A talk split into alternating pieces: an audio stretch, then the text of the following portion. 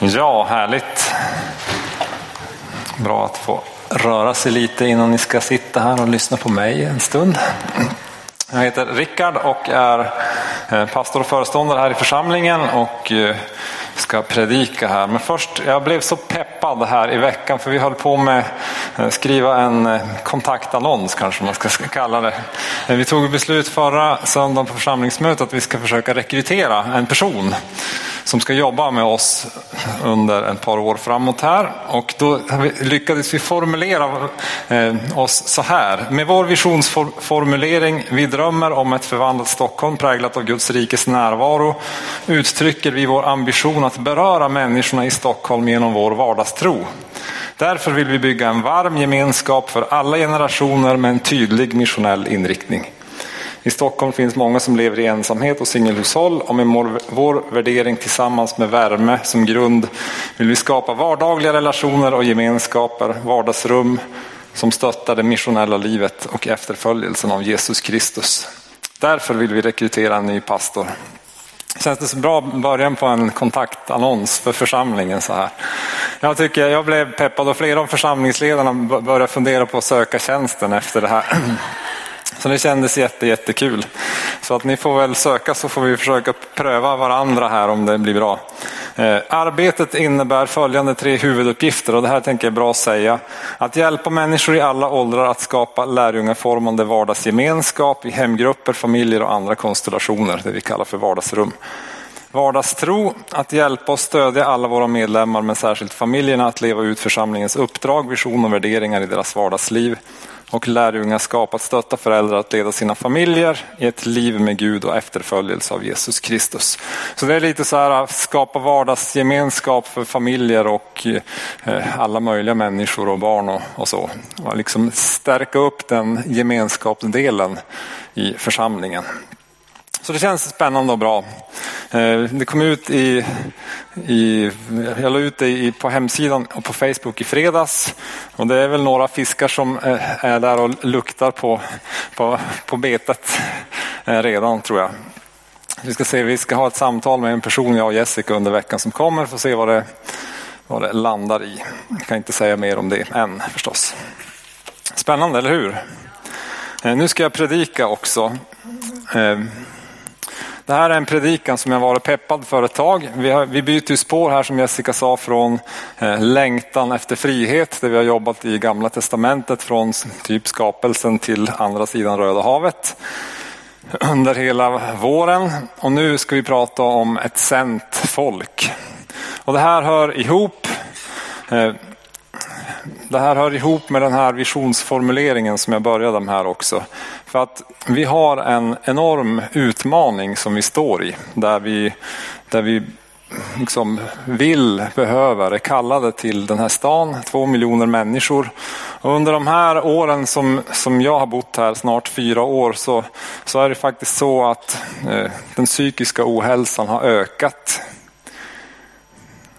Eh, utanförskap, segregation har också ökat under de här fyra åren. Eh, kriminaliteten i stan har ökat och ensamhet har också ökat. Det finns saker som blir bättre men det finns saker som, som helt klart också har blivit sämre. Och vårt uppdrag som församling det är ju att möta människornas behov i den här stan med Jesus. Och med det Jesus har och det Jesus kommer med.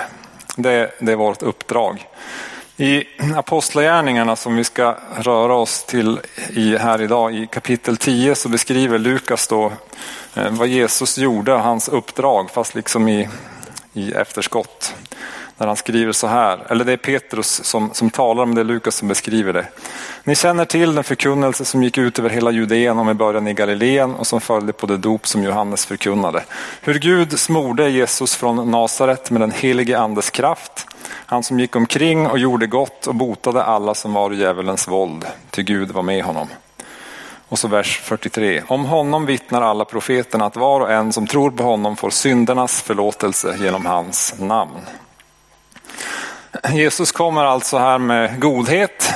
Han gör gott. Människor i Stockholm behöver få uppleva godhet. Han, eh, han botar alla som var i djävulens våld, står här. Alltså, kommer med helande, han kommer med frihet. Det har vi talat ganska mycket om här under gudstjänsten de senaste månaderna, att Gud vill föra oss ut i frihet och använda oss för att föra människor ut i frihet. Och han kommer med förlåtelse, syndernas förlåtelse, så att man kan få uppleva frid. Och han ger också människor en, en plats då i den nya gemenskapen och jag återkommer till det senare. Så det här är ju våran utmaning och där kommer vi till texten och berättelsen som vi ska jobba med idag från Apostlagärningarna eh, 13. Men jag ska ge en liten inledning till det först. Eh, jag är jag håller på att läsa en bok av en teolog som heter N.T. Wright som skriver en biografi om Paulus liv och den är så intressant så att jag har svårt att somna på kvällarna så jag får läsa den på andra tider än, än just då för han liksom tränger in och så helt plötsligt så, ja, det, så det var det här som egentligen kanske hände. Och så har det blivit ett annat djup i, i texten. Så att ja, det finns en viss inspiration därifrån när jag pratar här idag. Det är bra att säga. Församlingen Jerusalem växte, så kom förföljelse och lärjungarna skingrades över hela området. Det är typ kapitel 1 till, 1 till 9. Sen blir Petrus kallad till Cornelius hus och förstår att evangeliet, budskapet om Jesus också eh, är till de som inte är judar, de som kallas för hedningar i Bibeln. Eh, de som inte tillhör den judiska församlingen utan som kommer av andra folk. Och sen kommer några av de här lärjungarna så småningom till, till Antiochia som ligger i Syrien, ungefär 50 mil norr om Jerusalem. Och eh, där börjar det hända grejer. Judarna kommer till tro, men också grekerna, alltså hedningar, människor som inte är judar börjar komma till tro i stora skaror. Och eh, det, det, står då i kapitel 11 att det är första gången som, som den här gruppen av människor börjar kallas för kristna. För helt plötsligt så är man inte bara judar som tror på Messias utan nu är man också judar och eh, andra som inte har den judiska bakgrunden, som också tror på Jesus och är berörda av honom och har fått hans liv. Så det uppstår liksom en ny typ av gemenskap som, som, som Gud bygger. Och det, här, det är här i Antiochia vi kommer in. Eh, kommer en kille som heter Agabus som profeterar om hungersnöd i Jerusalem. Och då sänder församlingen Paulus och Barnabas som redan hade varit, som hade blivit skickad dit redan en gång, jag återkommer också till det. Skicka dem med hjälpen till Jerusalem. Och nu kommer då eh, Barnabas och Saulus, som han, som han heter här fortfarande, eh, tillbaks. Och det är där vi kommer in i berättelsen. Barnabas i, i eh, Apostlagärningarna 12 från vers 24 och framåt. Guds ord hade framgång och spreds allt mer. Och sedan Barnabas och Saulus hade fullgjort sitt uppdrag i Jerusalem vände de tillbaka och tog med sig Johannes som kallades Markus. I församlingen i Antiochia fanns det profeter och lärare, Barnabas, Simon som kallades Niger, Lucius från Cyrene, Manaen, fosterbror till landsfursten Herodes samt Saulus. När de tjänade Herren och fastade sa den helige ande, avskilj åt mig Barnabas och Saulus för den uppgift som jag har kallat dem till. Då fastade de och bad och la händerna på dem och sände ut dem. Sedan de hade blivit utsända av den helige ande for de ner till Seleucia och därifrån seglade de till Cypern. Jesus, nu ber vi att du ska tala till oss genom den här texten Hjälp oss att förstå hur vi kan vara en sändande församling och hur vi kan få vara sända av dig. I Jesu namn. Amen. Min första punkt från den här texten det handlar om att anden talar när vi söker Gud. Alltså det, det, vad är det då att söka Gud? Liksom, I den här texten så ser man att ja, men ledarna här, profeterna, lärarna, de samlas. De eh, tjänar Gud, står det i den svenska texten, tillber Gud, står det på engelska. Alltså man, man söker Guds ansikte. Man kommer i tillbedjan och lovsång. Jenny och Hasse predikade om det förra söndagen. Kommer inför Gud och söker honom och vill ha, men Gud vad vill du, vad säger du till oss nu? Och eh, det, det, är liksom en, en, en, fråga till Gud, vad, vad vill du, vad säger du? Eh, men, men hur gör man då det? Hur söker man Gud, både enskilt och som församling? Jag tänker inte gå så djupt i det, men, men redan nämnt tillbedjan. Att tillbe eh, Jesus med öppna ögon och öppna öron och, och höra vad han säger. Att be förstås, ta tid att be för saker, att för, också be med öppna öron för att höra vad Gud säger till församlingen och vad anden säger. Genom skriften, att läsa bibelordet. Eh, jag tror inte att det är en slump i den här texten att det står att de var lärare och profeter. Alltså de både läser för att förstå och undersöka för att kunna undervisa men också eh, profeter som lyssnar in Gud direkt. Och så är det det här lyssnandet och så, och så finns fastan med här också. Och det här kan ju både behöva vara en enskild övning där jag själv söker Gud. Vad vill du säga till mig? Vad är nästa steg? Och som församling där man som ledarskap eller som församling eh, vill söka Gud för, för nästa steg. I den här församlingen så, så finns det i praktik i församlingsledningen där vi tillsammans, eh, inte hela tiden men då och då eller i olika spurter om man ska säga, möts, försöker lyssna in vad, säg, vad är det du säger och då jobbar vi också både med enskild eh, eh lyssnande, tillbedjan, bön, eh, läser bibelordet, samtalar om det och försöker lyssna in vad Gud säger. Eh, både angående förkunnelse men också inriktning. Så hela temat om frihet som vi haft här under våren var ett resultat av en sån övning som vi gjorde. Att försöka söka, söka Gud, vad säger du till oss? Vad vill du leda oss vidare in i? Även rekryteringen här är en del av en sån process som sträcker sig över flera år av att söka Gud och söka Guds inriktning. Eh, mm, det ska komma en bild här tror jag, en kartbild. Där. Eh, det här är ett område som har betytt mycket för mig personligen när Gud kallade oss att åka till Kolahalvön som det här är i, i nordvästra Ryssland slutet på 80-talet för att predika om Jesus för människorna där precis när det här området öppnades upp. Det hade varit kommunistiskt och stängt och omöjligt att komma dit. Men nu fick vi komma dit och vi lyckades ta oss till Murmansk som ligger eh, nästan längst upp där vid Ishavet längst norrut. Den största staden, en halv miljon människor. Fick kontakt med några församlingar. Men den ena var konstigare än den andra om man säger så. Så att äh, det, kändes inte, det kändes som att vi var, på, vi var där men vi var inte riktigt ändå där. Jag vet inte om man kan beskriva den känslan. Så vi, vi, en av tillfällena när vi åkte dit så samlades vi, eh, teamet, Eh, och så hade vi en sån här karta som vi la ut på golvet. Den var inte alls så där detaljerad utan ännu mindre. Alltså, ryssarna var lite försiktiga med kartor och så. Så att alla de här orterna fanns inte ens utmärkta. Men det, vi såg att det stod Apatiti och Kandalaksha. Och när vi bad, eh, stod på knä där vid kartan och liksom försökte lyssna så upplevde vi tillsammans att de, de två platserna ska ni åka till. Och då satte vi oss i rörelse dit och sen fick vi se väldigt många människor komma till tro och församlingar startas på de platserna. Det, mer, det är mer själva eh, den processen att ja, när man kommer till en punkt när man känner, ja, men hur ska jag komma vidare nu? Eller hur ska vi komma vidare? Eller vad är nästa steg?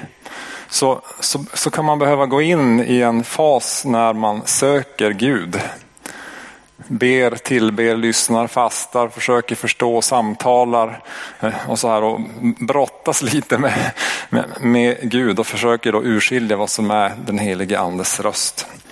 I Bibeln så, så talar anden när vi söker honom. Jag tror också att det här är lite av ett tilltal till oss i församlingen att det finns mer att vi kanske också som, som församling och som ledare behöver gå in i ännu mer av att söka Gud för vad är nästa steg för oss. Självklart den här rekryteringen men jag tror också att det finns någonting bortom det några månader fram som vi också behöver upptäcka och få ett tilltal av anden ifrån. När anden talar i apostlagärningarna så talar han alltid sändande. Avdela Barnabas och Saulus för den uppgift som jag har kallat dem till. Till Petrus, gå till Cornelius hus. Senare till Paulus så, så har, har, han en syn där en person säger kom över hit till Filippi. Alltså flera gånger så är det det här sändandet när, när anden talar. Min andra punkt handlar om andens kallelse. Anden kallar människor till tjänst. Jag tror att Gud har lagt ner i alla av oss eh, en, en grundkallelse förstås att följa Jesus. Vi är alla kallade att följa Jesus. Eh, det, det, ligger i att vara kristen, i att vara lärjunge. Om du, om du tror på Jesus och har, börjat vandringen med Jesus så finns det en kallelse i det att följa honom in i det uppdrag som han, han har för dig. Och I den kallelsen så, så finns det som vi ska se här lite mer specifika saker också. Om vi tar Barnabas först, då ser ni mm, verserna här på väggen. väggen. Rykt från vers, eh, kapitel 11, och vers 20. Bland dem fanns några män från Cypern och Cyrene och när de kom till Antiochia började de tala också till grekerna och predika evangeliet om Herren Jesus. Och Herrens hand var med dem och ett stort antal kom till tro och omvände sig till Herren. Ryktet om detta nådde församlingen i Jerusalem och man sände då Barnabas till Antiochia. När han kom dit och såg vad Guds nåd hade uträttat blev han glad och uppmuntrade dem alla att hålla sig till Herren av hela sitt hjärta. Barnabas var en god man, uppfylld av den helige ande och tro och en stor skara människor fördes till Herren. Så man kan säga att det fanns ju någonting om kallelse, det är inte jättedirekt men man kan indirekt se i texten att eh, Barnabas, han var kallad till hedningarna. Att grekerna och hedningarna skulle få höra evangeliet. Så när det börjar hända något i Antiochia kring det, då sänder församlingen i Jerusalem, Jerusalem honom dit. Så det är en, en kallelse som finns i honom. Kallelsen till Paulus är ju mer tydlig och mer känd och den finns på flera ställen i Apostlagärningarna. Men vi kan läsa från Apostlagärningarna 26 och vers 15 när Jesus kallar Paulus på vägen till Damaskus. Jag är Jesus den som du förföljer. Men stig upp och stå på fötterna, ty jag har visat mig för dig för att utse dig till tjänare och vittne både till vad du har sett och till det jag kommer att visa dig. När jag räddar dig undan ditt eget folk och undan hedningarna. Till dem sänder jag dig. För att du ska öppna deras ögon så att de vänder sig från mörker till ljus, från Satans makt till Gud. Så ska ni genom tron på mig få syndernas förlåtelse och arvslott bland dem som är helgade. Ni ser här att det här hänger ihop med vad Jesus gjorde, det uppdrag som Paulus får, den kallelse som han får är till hedningarna. Det finns alltid någon form av område som vi kallas till. Till vem sänder oss Gud? Vart sänder oss Gud? Och så finns det ett uppdrag i kallelsen. De första lärjungarna får uppdraget att vara människofiskare. Paulus här, han får lite mer tydligt att han ska föra, eh, eh, öppna människors ögon så att de vänder sig från mörker till ljus, från Satans makt till Gud och så ska få syndernas förlåtelse och en arvslott bland de som är helgade. Så det är, det är både eh, uppenbarelse, omvändelse, förlåtelse och en plats i gemenskapen. Som är Paulus uppdrag. Så det är det han, det han ska jobba med. Det här tror jag är något som också eh, får tala till, till oss. Eftersom du och jag är här i Stockholm så kan vi utgå från att Gud har lett oss hit. Att Gud har kallat oss hit. En del kanske tänker jag vet att det är väldigt specifikt, har fått något tydligt tilltal. Andra kanske bara här och undrar hur, hur kom jag hit egentligen?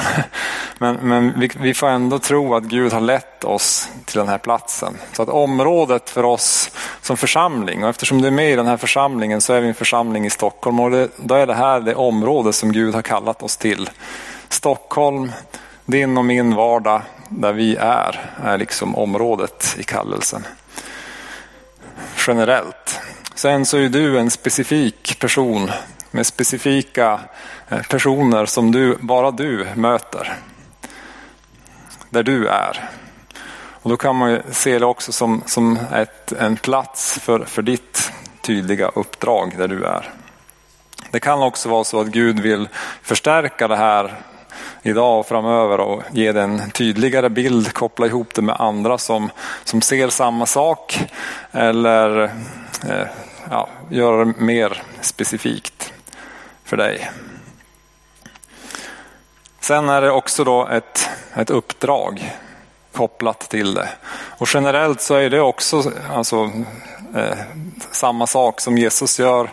Eh, visa godhet mot människor, Eh, bota, befria, eh, komma med syndernas förlåtelse, hjälpa människor att få tag i Gud och komma in i gemenskapen. Samma sak som Paulus gör.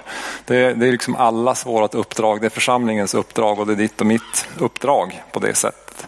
Men sen så kan det också vara så att Gud har något specifikt för dig. Att Gud liksom verkligen ger dig en specifik kallelse på ett specifikt sätt. Eh, jag tror att jag har en specifik kallelse till att göra det jag gör här och nu i församlingen förstås. Jag är del av det, det allmänna som, som, församlingen har, men jag har också en specifik kallelse och en specifik uppgift. Och jag tror att det finns också för dig. De här tankarna kan ju väcka en massa olika saker i en.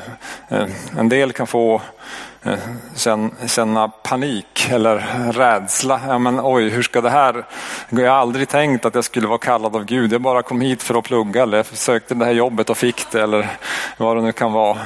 Eh, och så ska jag känna nu att jag är kallad av Gud att predika för alla som jag möter. Så här. Eh, svaret är väl ja på den frågan. Men, men, men, men jag, jag, tänker inte att man behöver ha någon panik över det. För att Gud har också gjort dig till den du är. Och satt dig, lett dig dit där du är. Vilket också kan innebära att du kan vara den du är. Där du är. Eh, fast lite mer frimodig kanske. Men vi kommer till det. Men du behöver inte vara rädd och inte ha någon panik. Man kan också få andra tankar. Ja, men jag har nött på så länge, hållit på så länge. Jag ser liksom ingenting som händer och inget. Eh, jag har liksom bett för mina arbetskamrater i 42 år och det är inget som, som verkar röra på sig så här. Eh, ibland kan det vara så att det tar tid.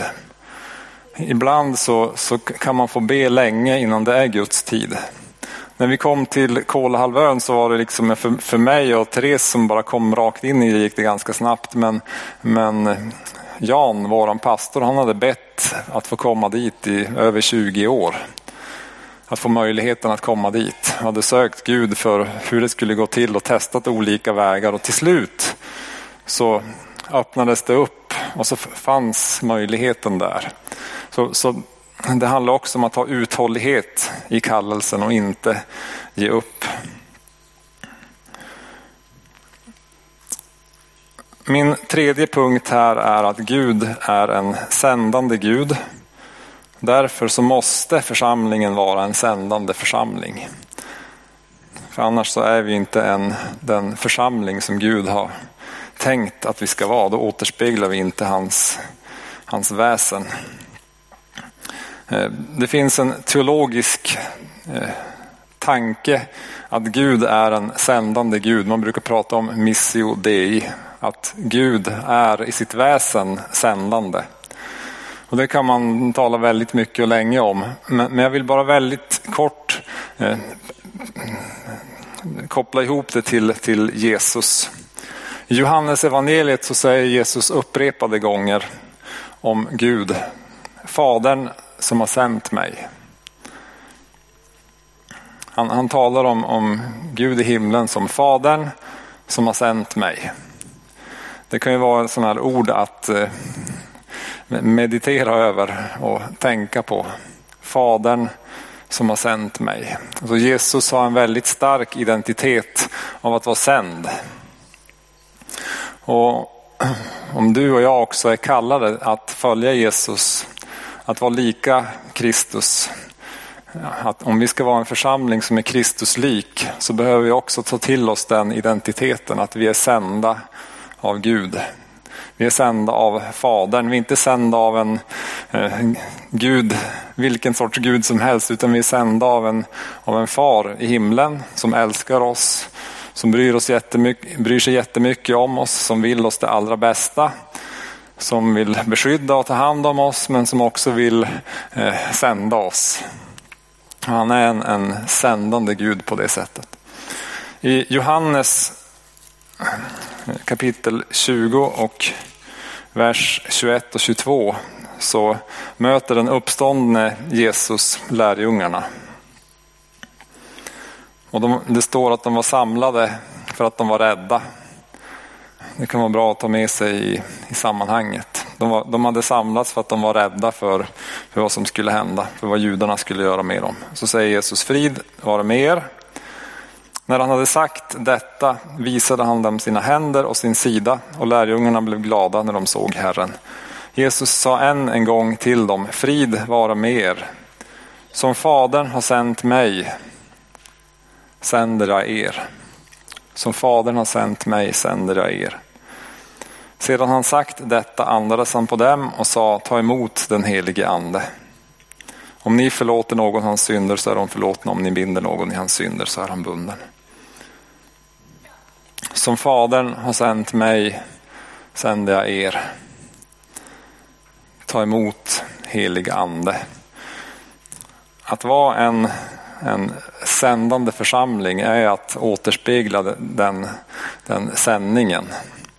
Och det är inte själv, alltså, det är inte bara sändningen i sig, att man är på väg någonstans, utan det är vad, eh, vart man är på väg och vad man har med sig som är själva poängen. Jesus sändes till världen för att människor skulle få smaka på Guds kärlek, komma i kontakt med Gud och få syndernas förlåtelse. Eh, vi är också sända som Jesus är sänd till den här världen och det behöver vara en del av våran församlingsväsen. Att vara sänd. Men som församling så behöver vi också vara sändande. För att Jesus är också den som sänder det vidare. Han blev inte bara sänd utan han sänder vidare.